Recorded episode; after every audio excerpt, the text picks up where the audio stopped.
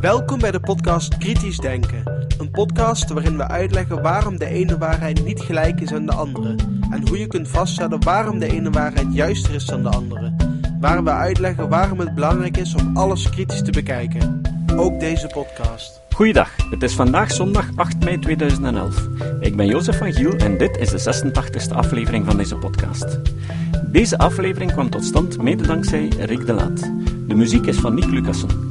Vandaag horen jullie het derde en laatste deel van de reeks over hoe rekenkunde ons kan helpen begrijpen hoe onze toekomst eruit ziet.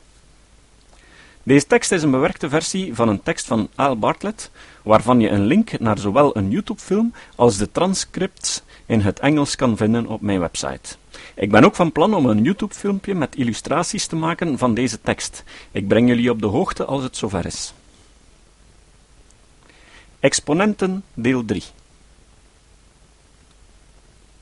Misschien vraag je je af of het zinnig is om te denken dat we een gestage groei van de verbruikssnelheid van een hulpbron kunnen aanhouden tot het laatste beetje is opgebruikt, waarna de verbruikssnelheid plotseling tot nul zou dalen. Natuurlijk niet. Dat is onzin. Oké, zeg je, maar waarom zouden we ons dan bezighouden met de berekening van die vervaltijd? Wel, elk segment van onze samenleving, onze zakelijke leiders, regeringsleiders, politieke leiders, op lokaal niveau en nationaal niveau, streven naar een samenleving waarin alle soorten van materiële consumptie gestaag blijven groeien, jaar na jaar na jaar, in een wereld met eindeloze hulpbronnen. Omdat dat zo centraal staat bij alles wat we doen, moeten we weten waar dit toe zou leiden. Aan de andere kant moeten we erkennen dat er een beter model bestaat en weer doen we daarvoor beroep op het werk van wijlen Dr. Hubbard. Hij maakt een grafiek van de verbruikssnelheid van middelen die al zijn uitgeput. En hij vindt inderdaad dat er een vroege periode van gestage groei is van de verbruikssnelheid. Maar dan gaat ze door een maximum en loopt dat terug omlaag in een mooie symmetrische klokvormige curve. Toen hij dit enkele jaren geleden deed en ze vergeleek met de olieproductie van de VS, vond hij dat de Verenigde Staten op dat ogenblik op het hoogtepunt waren. Ze waren halverwege de middelen. Dat is precies wat die deskundige uit Texas zo pas zei. Wat betekent dat nu eindelijk? Het betekent dat vanaf nu de binnenlandse olieproductie alleen maar omlaag kan gaan. Het gaat bergaf voor de rest van de weg, en het maakt geen bal uit wat ze nu zeggen binnen de ringweg van Washington DC. Het betekent dat als we hard werken, we wat hobbels op de afdalingskant van de kromme kunnen maken. Ook op de stijgingskant zitten er hobbels. Het debat over het boren in de Arctic Wildlife Refuge is bezig. Ik heb gezien dat ze schatten daar misschien 3,2 miljard vaten olie te zullen vinden. 3,2 miljard is minder dan één jaar verbruik in de Verenigde Staten. Het gebied onder de hele klokcurve van verbruik vertegenwoordigt het totaal van de olie van de Verenigde Staten. Het is verdeeld in drie delen.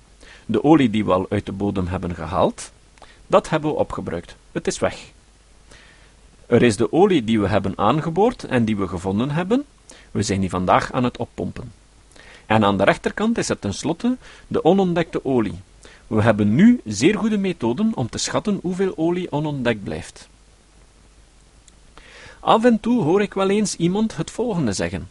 Maar je weet dat honderd jaar geleden al iemand een berekening maakte en voorspelde dat de VS over 25 jaar zonder olie zouden vallen. Vorige week nog merkte een collega tegen me op dat men altijd zegt dat er nog voor 50 jaar olie is. 50 jaar geleden zei men dat ook al. En hoe dikwijls zegt men dat de groep van Rome het bij het verkeerde eind had? Die berekening was verkeerd. Daaruit volgt, natuurlijk, dat alle berekeningen verkeerd zijn. Laten we proberen te begrijpen wat ze deden. Honderd jaar geleden nam men gewoon de hoeveelheid ontdekte olie, en alles wat men deed was de ontdekte olie nemen, dat delen door hoe snel het werd opgebruikt, en men kwam uit op 25 jaar. Ze hadden er geen idee van hoeveel olie er nog onontdekt was. Het is duidelijk dat je dan elke keer na een nieuwe ontdekking een nieuwe berekening moet maken. Maar vandaag vragen we ons niet af hoe lang we zullen toekomen met de ontdekte olie, we vragen hoe lang we gaan toekomen met de ontdekte en de onontdekte olie samen. We spreken nu over de rest van de olie. En wat vertelt de US Geological Survey ons? In 1984 zeiden ze dat het geschatte VS-aanbod van onontdekte middelen en bewezen reserves 36 jaar was, bij het huidige tempo van de productie. Of 19 jaar bij afwezigheid van invoer. Vijf jaar later, in 1989, was die 36 gezakt tot 32 jaar en 19 tot 16 jaar, zodat de data blijven kloppen als we de rechterzijde van de Hubbard-curve afdalen. Af en toe komen we iemand tegen die zegt dat we ons geen zorgen hoeven te maken over het probleem, dat we het kunnen oplossen. In dit geval kunnen we het oplossen door maïs te verbouwen, daar ethanol van te maken en alle voertuigen op ethanol te laten rijden. Laten we gewoon kijken naar wat zo iemand zegt. Hij zegt dat vandaag de dag de productie van ethanol jaarlijks meer dan 43,5 miljoen vaten geïmporteerde olie kan vervangen. Klinkt dat niet goed? Totdat je begint na te denken. Eerste vraag die je je kunt stellen is: 43,5 miljoen vaten. Welke fractie is dat van het verbruik van de voertuigen in één jaar in de Verenigde Staten? Het antwoord is 1%. Je zou dus de maïsproductie voor ethanol met een factor van 100 moeten opdrijven om de olie nodig voor transport te kunnen opvangen. Er is niet zoveel landbouwareaal in de Verenigde Staten. Maar er is nog een groter probleem. Er is diesel nodig om de grond te ploegen, om maïs te zaaien, om meststof te maken, om de maïs te verbouwen, om de maïs te verzorgen en om de maïs te oogsten. En het kost nog eens energie om de alcohol te distilleren. Als je dan geluk hebt, haal je meer energie per liter dan er nodig was om hem te produceren. Waarschijnlijk is het een verliespost. Maar Paul Harvey zegt dat we ons geen zorgen hoeven te maken, dat we het zo kunnen oplossen.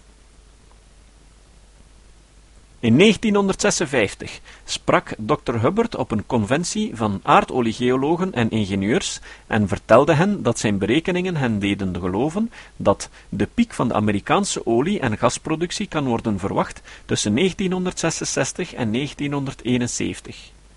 Niemand nam hem serieus. Laten we nu eens kijken wat er gebeurd is. Wat kunnen we afleiden uit de gegevens van het Department of Energy? Eerst zien we een gestage groei. In 1956 deed Dr. Hubbard zijn analyse, weet je nog? Op dat moment zei hij dat de piek zou plaatsvinden tussen 1966 en 1971. De gegevens tonen dat die piek zich voordeed in 1970. Die werd gevolgd door een zeer snelle daling. Dan is de Alaska-pijpleiding olie beginnen leveren en er kwam een gedeeltelijk herstel. Die productie heeft nu zijn hoogtepunt bereikt en alles gaat vanaf dan unisono bergafwaarts aan de rechterkant van de curve. En als ik op mijn computer zoek welke parameters van de curve het beste passen bij de gegevens, dan lijkt het erop dat drie vierden van de winbare olie, die ooit in de bodem van de Verenigde Staten zat, is opgebruikt. En ze rollen nu omlaag op de laatste 25% van wat eens een enorme voorraad was. We moeten ons dus best ook eens vragen stellen over hoe het zit met de olie in de wereld. Dr. Hubbard voorspelde in 1974 dat de piek van de wereldolie zou plaatsvinden rond 1995. Laat ons dus eens kijken wat er gebeurd is. Volgens de gegevens van het Department of Energy hebben we het volgende scenario. Eerst een lange periode van gestage groei, dan een vrij grote daling, en toen was er een spoedig herstel. Daarna een enorme val en een zeer traag herstel. We zien regelmatig een prijsstijging van de OPEC. Het is duidelijk dat we nog niet over de top zitten. Als ik de curve wil doen passen, moet ik nog over een beetje meer informatie beschikken. Ik moet gaan zoeken in de geologieliteratuur. Wat denk je dat de totale hoeveelheid olie is die we ooit op aarde zullen vinden? De consensushoeveelheid in de geologische literatuur is 2000 miljard vaten. Dat is nu heel onzeker, plus of minus misschien 40 of 50 procent. Als ik dat inpas in de curve, is de piek in 2004 gevallen. Als ik aanneem dat er 50% meer is dan de consensushoeveelheid, dan gaat de piek naar 2019. Als ik aanneem dat er twee keer zoveel is als de consensushoeveelheid, dan gaat de piek naar 2030. Ongeacht hoe je het bekijkt, tijdens de levensverwachting van de huidige studenten gaan ze de top van de wereldproductie meemaken. En je hebt jezelf af te vragen hoe het leven er zal uitzien met een dalende mondiale productie van aardolie en een groeiende wereldbevolking. En we hebben een groeiende wereldbevolking met een groeiende vraag naar olie per hoofd van de bevolking. Denk daar eens over na. In de uitgave van Scientific American van maart 1998 stond er een groot artikel geschreven door twee echte aardoliegeologen. Ze zeiden dat deze piek zou plaatsvinden voor 2010, zodat we allemaal in hetzelfde schuitje zouden zitten. Dat artikel in Scientific American deed heel wat stof opwaaien. In een artikel in Fortune magazine van november 1999, waarin werd gesproken over olie voor altijd, zien we een kritiek op de analyse van de geologen, en een emeritus hoogleraar economie van het MIT zei dat deze analyse, door de geologen nota bene, een hoop dwaasheid is. De wereld zal in nog geen 10.000 jaar zonder olie vallen. Maar je moet eens goed voorstellen wat ons huidig beleid van verbruik van fossiele brandstoffen betekent in een context van 5000 jaar geschiedenis en 5000 jaar toekomst. Dan zie je alleen een kleine piek in het tweede millennium. Is dat het beeld waarmee wij de geschiedenis willen ingaan? Wat zien we als we de jaarlijkse productie van olie vergelijken met de jaarlijkse ontdekkingen van nieuwe oliebronnen? Dan stellen we vast dat we sinds de jaren 80 ongeveer twee keer zoveel produceren als dat we erbij vinden. Maar je hebt de verklaring van de universitaire niet-wetenschappers gezien, gelezen en gehoord. Dat we nu over meer hulpbronnen van aardolie beschikken dan ooit tevoren in de geschiedenis. Dan vraag ik me toch af wat die gerookt hebben. Kijken we nu naar de wereldolieproductie per hoofd van de bevolking, dan stellen we vast dat die meer en meer naar beneden trekt naarmate de wereldbevolking groeit, ondanks de stijgende productie. Als je die curve in het oog houdt, dan stel je vast dat er in 1970 een piek van ongeveer 2,2 liter per dag was. Dat is tegen 2005 gedaald tot ongeveer 1,7 liter per persoon per dag. We kunnen dus besluiten dat als op een dag iemand van ons meer dan 1,7 liter aardolie direct of indirect verbruikt, die meer dan zijn aandeel verbruikt heeft. Denk er even over na wat dat betekent. Laten we ons nu de vraag stellen hoe het zit met de nieuwe ontdekkingen. Ongeveer 150 jaar geleden was er een discussie over de grootste ontdekking van olie in de Golf van Mexico uit de afgelopen 20 jaar. Naar schatting 700 miljoen vaten olie. Dat is heel veel olie, maar veel in vergelijking met wat? Op dat moment consumeerden de Verenigde Staten alleen al 16,6 miljoen vaten per dag. Deel 700 door 16,6 en je stelt vast dat die enorme vondst aan de Amerikaanse behoeften van 42 dagen voldeed. Op de voorpagina van de Wall Street Journal lezen we over het nieuwe Hibernia-olieveld buiten de zuidkust van Newfoundland. De krantenkop leest: Dit is goed voor 50 jaar. Dat geeft je een idee over hoeveel olie daar zit. Laten we dat wat volgen en het verhaal van Wall Street Journal lezen. Het Hibernia-gebied, een van de grootste olievondsten in Noord-Amerika in decennia, moet de eerste olie leveren tegen het einde van het jaar. We zullen nog minstens twintig van dat soort velden vinden, goed voor ruim 1 miljard vaten ruwe olie van hoge kwaliteit, met de belofte van een constante stroom olie op slechts een korte tankervaartafstand van de energiedorstige East Coast. Laten we nog wat rekenen. We nemen de hoeveelheid olie die we daar denken te vinden, dus 1 miljard vaten. De consumptie in de VS is gegroeid tot ongeveer 18 miljoen vaten per dag. Deel dat miljard door 18 miljoen en je vindt dat het aan de Amerikaanse behoefte van 56 dagen zou voldoen. Welke indruk maakte die regel in de krantenkop in de Wall Street Journal op je? En als je daarover nadenkt, denk dan ook nog even na over de definitie van moderne landbouw. Het is het gebruik van grond om aardolie om te zetten in voedsel. En we kunnen het einde van de aardolie zien. Dr. Hubbard getuigde ten overstaande van de commissie van het congres dat de exponentiële fase van de industriële groei die de menselijke activiteiten heeft gedomineerd tijdens de laatste paar eeuwen nu ten einde is. Nog tijdens de laatste twee eeuwen van ononderbroken industriële groei zijn we geëvolueerd naar wat neerkomt op een exponentiële groeicultuur. Ik zou zeggen dat het meer is dan een cultuur. Het is onze internationale religie, omdat wij groei aanbidden. Pak een krant. Je zult krantenkoppen zien als deze. Staat voorspelt robuuste groei. heb je ooit gehoord dat een arts bij de diagnose van een kanker bij een patiënt hem vertelde: Je hebt een robuuste kanker? En het is niet alleen in de Verenigde Staten dat deze vreselijke verslaving, citaat Wall Street Journal, heeft. De Japanners zijn ook zo gewend aan groei, dat economen in Tokio meestal spreken van een recessie als de groei op enig moment daalt tot minder dan 3% per jaar. Wat moeten we dan doen? Om het met de woorden van Winston Churchill te zeggen: soms moeten we doen wat nodig is. Allereerst dienen we duurzame energie serieus te gaan nemen. Om te beginnen moeten we zorgen voor een grote toename in de financiering voor onderzoek in de ontwikkeling en verspreiding van hernieuwbare energie. Voor alle duidelijkheid aan de partij Groen. Stekcentrales zijn geen hernieuwbare bronnen. Ze verbruiken aardgas en ze produceren trouwens ook CO2. We moeten iedereen onderwijzen in een goed begrip van de rekenkunde en de gevolgen van de groei, vooral in termen van de bevolking en in termen van eindige hulpbronnen van de aarde. We moeten mensen zo opvoeden dat ze het feit gaan inzien dat de groei van de bevolking en de groei van de consumptiesnelheid van de middelen niet kan worden volgehouden. Wat is de eerste wet van duurzaamheid? Je hebt duizenden mensen eindeloos horen praten over duurzaamheid. Hebben ze je ooit verteld wat de eerste wet is? Hier komt ze. Bevolkingsgroei en of groei van de verbruikssnelheid van middelen kan niet worden volgehouden. Dat is een simpel rekensommetje, maar ik ben nog niemand tegengekomen die je dat zal vertellen wanneer ze praten over duurzaamheid.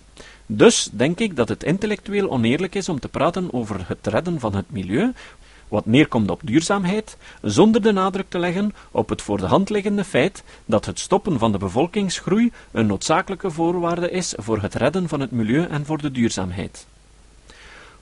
We moeten mensen opvoeden om de noodzaak in te zien van het zorgvuldig onderzoeken van de beweringen van de technologische optimisten, die ons verzekeren dat wetenschap en technologie altijd in staat zullen zijn om onze problemen van bevolkingsgroei, voedsel, energie en middelen op te lossen. Top onder deze optimisten was wijlen Dr. Julian Simon, voormalig hoogleraar economie en bedrijfskunde aan de Universiteit van Illinois en later aan de Universiteit van Maryland. Met betrekking tot koper schreef Simon dat we nooit meer zonder koper zullen vallen, omdat koper kan worden gemaakt van andere metalen. Het regende brieven bij de redactie om hem een beetje scheikunde bij te brengen. Hij veegde alle commentaar van tafel. Maak je geen zorgen, zei hij. Als het ooit nodig mocht zijn, kunnen we koper maken van andere metalen. Simon had een boek uitgegeven bij de Princeton University Press. In dat boek schrijft hij over olie uit vele bronnen, waaronder biomassa.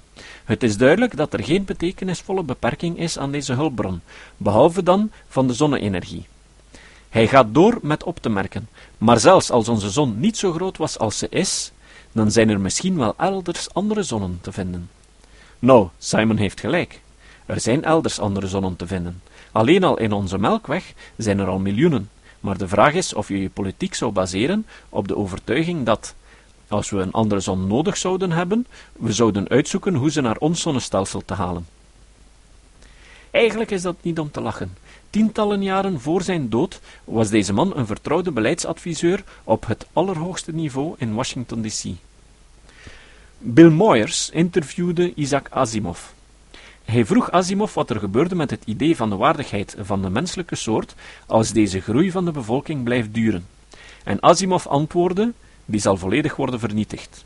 Ik wil gebruik maken van wat ik mijn wc-metafoor noem. Als twee mensen in een appartement wonen en er zijn twee wc's, dan hebben ze beiden de vrijheid om een wc te beschikken. Je kunt op elk gewenst moment naar de wc en je kan er zo lang blijven als je wil. En iedereen gelooft in de wc-vrijheid. Het zou in de grondwet moeten staan. Maar als er twintig mensen in dat appartement wonen en er zijn maar twee wc's, dan maakt het niet uit hoeveel iedereen gelooft in wc-vrijheid.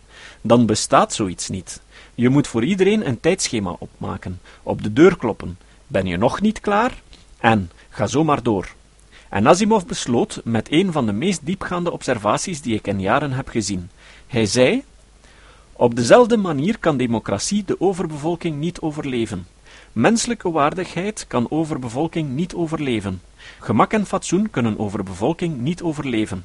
Als je meer en meer mensen op de wereld zet, vermindert niet alleen de waarde van het leven, ze verdwijnt gewoon.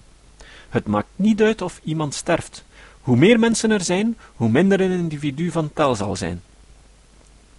En dus, centraal in de dingen die we doen, is te erkennen dat de bevolkingsgroei de directe oorzaak is van al onze crisissen qua hulpbronnen en milieu. Tijdens het voorbije uur is de wereldbevolking toegenomen met ongeveer 10.000 mensen en de bevolking van de Verenigde Staten met ongeveer 280 mensen.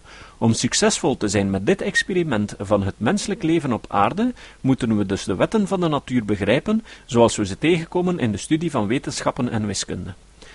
We moeten de woorden van Aldous Huxley onthouden. Feiten niet ophouden te bestaan omdat ze genegeerd worden. We moeten denken aan de woorden van Erik Sevarait. Hij merkte op dat dit is wat we elke dag zien. Oplossingen voor problemen maken de problemen alleen maar erger. Hij vond dat de voornaamste oorzaak van problemen de oplossingen zijn. We moeten de boodschap uit een cartoon onthouden. Denken is zeer schokkend. Het vertelt ons dingen die we liever niet weten. Ook denken aan de woorden van Galileo. Ik kan niet geloven dat dezelfde God die ons heeft begiftigd met verstand, reden en intellect, zou willen dat wij het niet zouden gebruiken. Als er al een boodschap is, dan is het deze: we mogen ons denken niet overlaten aan anderen. Met uitzondering van de aardoliegrafieken zijn de dingen die ik jullie verteld heb geen voorspellingen van de toekomst. Ik rapporteer alleen feiten en de resultaten van een beetje zeer eenvoudige rekenkunde. Maar ik doe dat in de wetenschap dat deze feiten, dit rekenen en nog belangrijker ons niveau van inzicht erin, een grote rol zal spelen in het vormgeven van onze toekomst. Neem niets van wat ik gezegd heb blind of kritiekloos aan omwille van de retoriek, of om enige andere reden. Alsjeblieft, controleer de feiten. Controleer mijn berekeningen. Als je fouten vindt, laat het me dan weten. Als je geen fouten vindt, dan hoop ik dat je dit zeer, zeer serieus van harte neemt. Jullie zijn belangrijke mensen, want jullie kunnen denken. Als er iets is waar de wereld van vandaag nood aan heeft, is het mensen die bereid zijn te denken. Dus hier is een uitdaging. Kan je enig probleem bedenken, op eender welke schaal, van microscopisch tot mondiaal, waarvan de lange termijn oplossing op eender welk aantoonbare wijze vooruitgeholpen wordt, door grote bevolkingscijfers op lokaal niveau, op nationaal niveau of op mondiaal niveau? Kan je iets bedenken dat beter wordt als we meer mensen in onze dorpen, onze steden, ons land of op onze aarde proppen?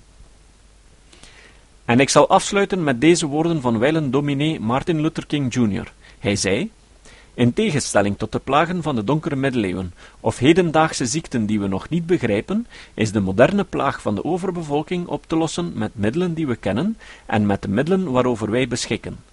Wat ontbreekt is niet voldoende kennis van de oplossingen, maar universeel bewustzijn van de ernst van het probleem en de opvoeding van de miljarden die er het slachtoffer van zijn. Ik hoop dat ik mijn inleidende verklaring duidelijk heb toegelicht, namelijk dat ik denk dat de grootste tekortkoming van het menselijke ras ons onvermogen is om deze zeer eenvoudige rekenkunde te begrijpen. Dit was een bewerking van de tekst van Dr. Albert Bartlett, Rekenkunde, Bevolking en Energie.